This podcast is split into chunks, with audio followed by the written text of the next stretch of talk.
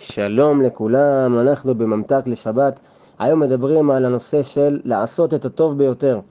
אני רוצה לשתף במעשה כביכול שגרתי, שראיתי אותו לפני שבוע, איך תינוקת בת כשנה מושיטה את היד שלה אל עבר בקבוק המים שלה. אז מה העניין?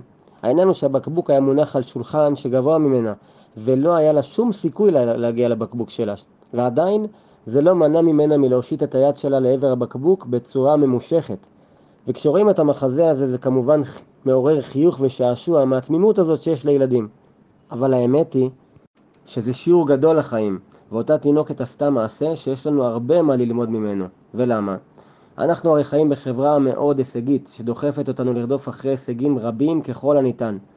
אבל היהדות קובעת שיש משהו, יותר חשוב מהישגים ותוצאות. הדרך לשם. הדרך היא הדבר החשוב יותר מהתוצאה. רבנו יונה כתב שהקדוש ברוך הוא אינו מבקש מבני האדם כי אם לפי כוחם. העיקר שאדם עושה את מה שהוא יכול, את המקסימום שלו. הרמח"ל במסילת ישרים אומר שאדם שלא עוזר לעצמו, גם משמיים לא יעזרו לו. כלומר, ברגע שאדם כן משתדל ועושה כפי יכולתו, אז גם משמיים עוזרים לו, ולכן אפילו אם התוצאה המיוחלת נראית רחוקה ולא ברת השגה, האדם יכול לזכות לישועה בדרך לא צפויה. אז את המוטו הזה של לעשות את המקסימום, כולנו מכירים, אז מה בכל זאת החידוש?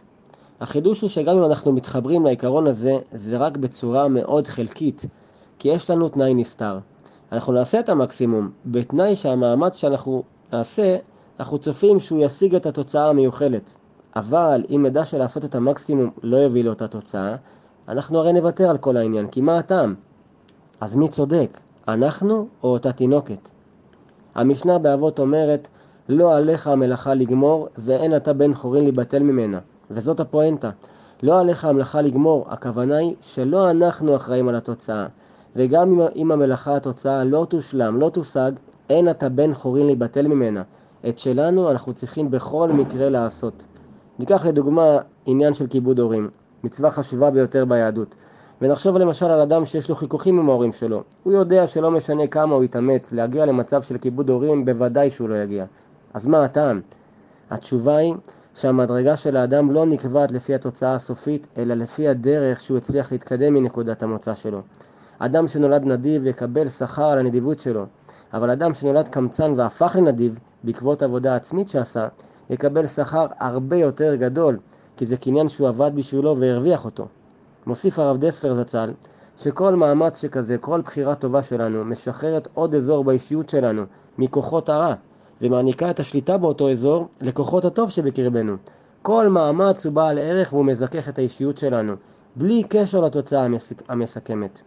ומכאן אנחנו מבינים שהמטרה המרכזית שלנו היא למתוח את גבולות היכולת שלנו כמה שאפשר, וזה מה שקובע את המדרגה של האדם. ולכן גם אם התוצאה לא נראית לנו בהישג יד, בכל זאת אנחנו נדרשים לעשות את הטוב ביותר שלנו, כי לא התוצאה היא העיקר, אלא היכולת שלנו לפרוץ את הגבולות של עצמנו עוד ועוד, ולעבור דרך גדולה ככל היותר מאותה נקודת התחלה שקיבלנו. שבת שלום ומבורך.